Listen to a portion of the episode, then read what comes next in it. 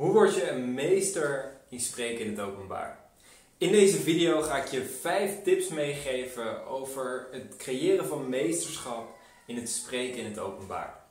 Mijn naam is Pim Jansen. Mijn missie in het leven is om zoveel mogelijk mensen te inspireren om meer uit hun leven te halen. En dat doe ik onder andere door sprekers te helpen zichzelf te ontpoppen om hun boodschap op een krachtigere manier naar buiten te brengen en daardoor andere mensen weer te inspireren. En in deze video wil ik het hebben met je over meesterschap, over spreken in het openbaar. En wat is nou meesterschap? Wanneer we denken aan meesterschap, dan zien we vaak de legendes voor ons. De mensen die het allerbeste zijn in datgene wat ze doen. En de afgelopen jaren heb ik veel van mijn tijd en energie gespendeerd aan het observeren en het bestuderen van mensen die levende legendes zijn. En aan het ontdekken van, hey, wat zijn nou de modellen, wat zijn de patronen, wat zijn de gewoontes die zij hebben doorlopen, waardoor zij het succes of de vaardigheden op hebben gedaan die ze vandaag de dag hebben. En die heb ik samen gebundeld tot vijf tips die ik je in deze video mee wil geven. En mijn eerste tip is simpelweg oefening baart kunst. Ehm, je kunt zoveel sprekers bekijken als je wil die aan de top staan van wat ze doen, die duizenden mensen inspireren of miljoenen mensen inspireren overal ter wereld. En je komt erachter dat ze allemaal gigantisch veel ervaring hebben. Stuk voor stuk hebben ze duizenden en duizenden en duizenden presentaties gegeven. En ik kan ook uit eigen ervaring zeggen dat door constant maar weer opnieuw en opnieuw en opnieuw te presenteren, zelf heb ik de afgelopen acht jaar van mijn leven ook inmiddels meer dan 700 presentaties gegeven. Is dat je constant steeds meer op de details gaat letten. En dat je constant geforceerd wordt om na te denken over wat is nou de beste en meest krachtige manier om mijn boodschap naar buiten te brengen. Dus allereerst oefening baart kunst. Mijn tweede tip is wees coachable. En wat bedoel ik met wees coachable? Is heel vaak wanneer je voor het eerst start met het geven van presentaties, dan heb je voor jezelf in je hoofd een bepaald model gecreëerd of heb je een bepaalde gedachte gecreëerd van datgene waarvan jij gelooft dat het de beste uitvinding is sinds het gesneden brood. Alleen helaas is dat niet altijd ook zo voor je publiek.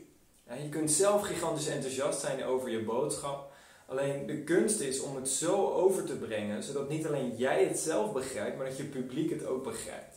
de enige manier om hier te komen is door regelmatig trainingen te volgen, door regelmatig feedback te vragen, door een coach in te schakelen die je kan helpen om je presentatie te verbeteren, door met je publiek te sparren over wat de beste manier is om te presenteren.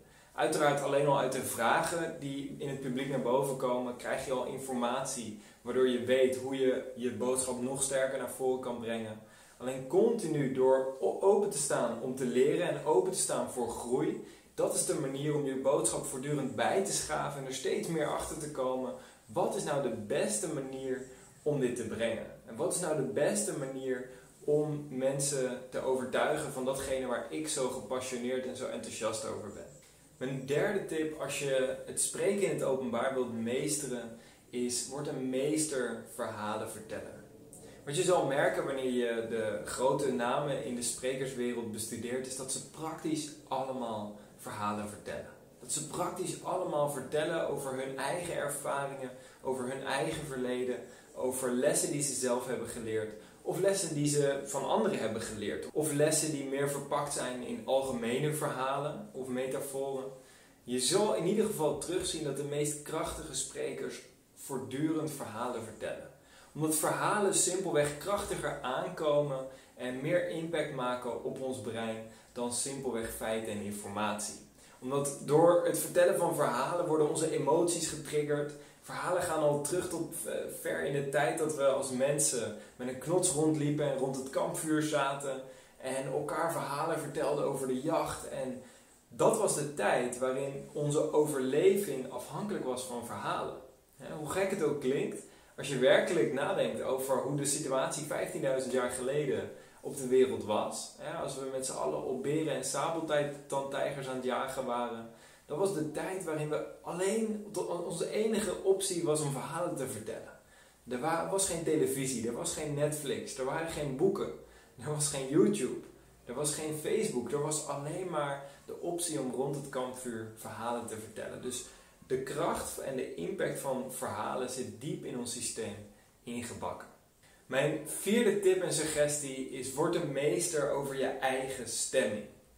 Door middel van het kunnen beïnvloeden van je eigen stemming kun je jouw publiek veel makkelijker meekrijgen. Ja, want je zal merken als je regelmatig presentaties gaat geven en als je steeds meer die oefening erin krijgt, is dat je op een gegeven moment situaties krijgt waar je een presentatie te geven hebt terwijl je maar twee uur geslapen hebt. Of waar je een presentatie te geven hebt waar je knallende hoofdpijn hebt. En de kunst is dan om, ondanks het feit dat je je misschien niet optimaal voelt, om toch de meester te zijn over je eigen stemming. Om toch ervoor te zorgen dat je jezelf helemaal goed voelt. En toch die presentatie zo sterk mogelijk te geven. En twee maanden geleden voelde ik mezelf, of het was een maand geleden ongeveer, voelde ik mezelf ook behoorlijk misselijk. Het was een warme dag, net zoals vandaag toevallig.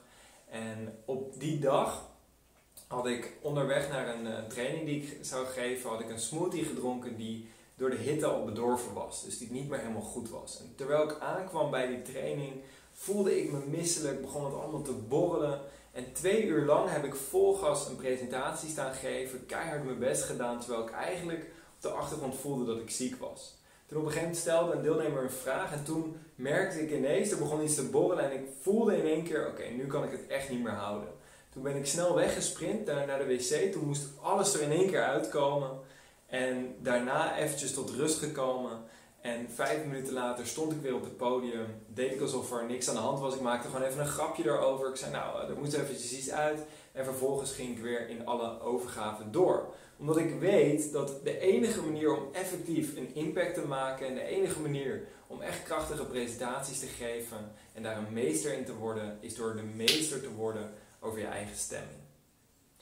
En mijn vijfde suggestie om meesterschap over spreken in het openbaar te bereiken is modelleer succesvolle mensen.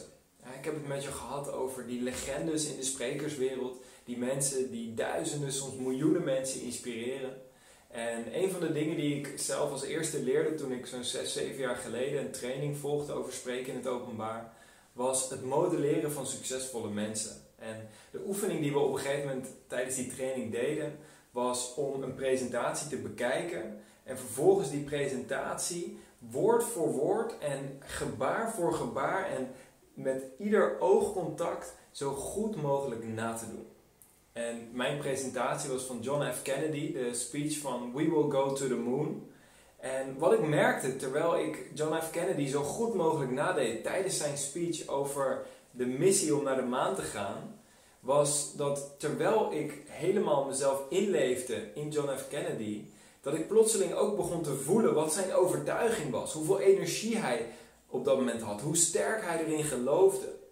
En dat is de kracht dat wanneer je mensen modelleert, dat je jezelf kunt verplaatsen in hun schoenen en kunt denken en de wereld kunt ervaren vanuit hun ogen.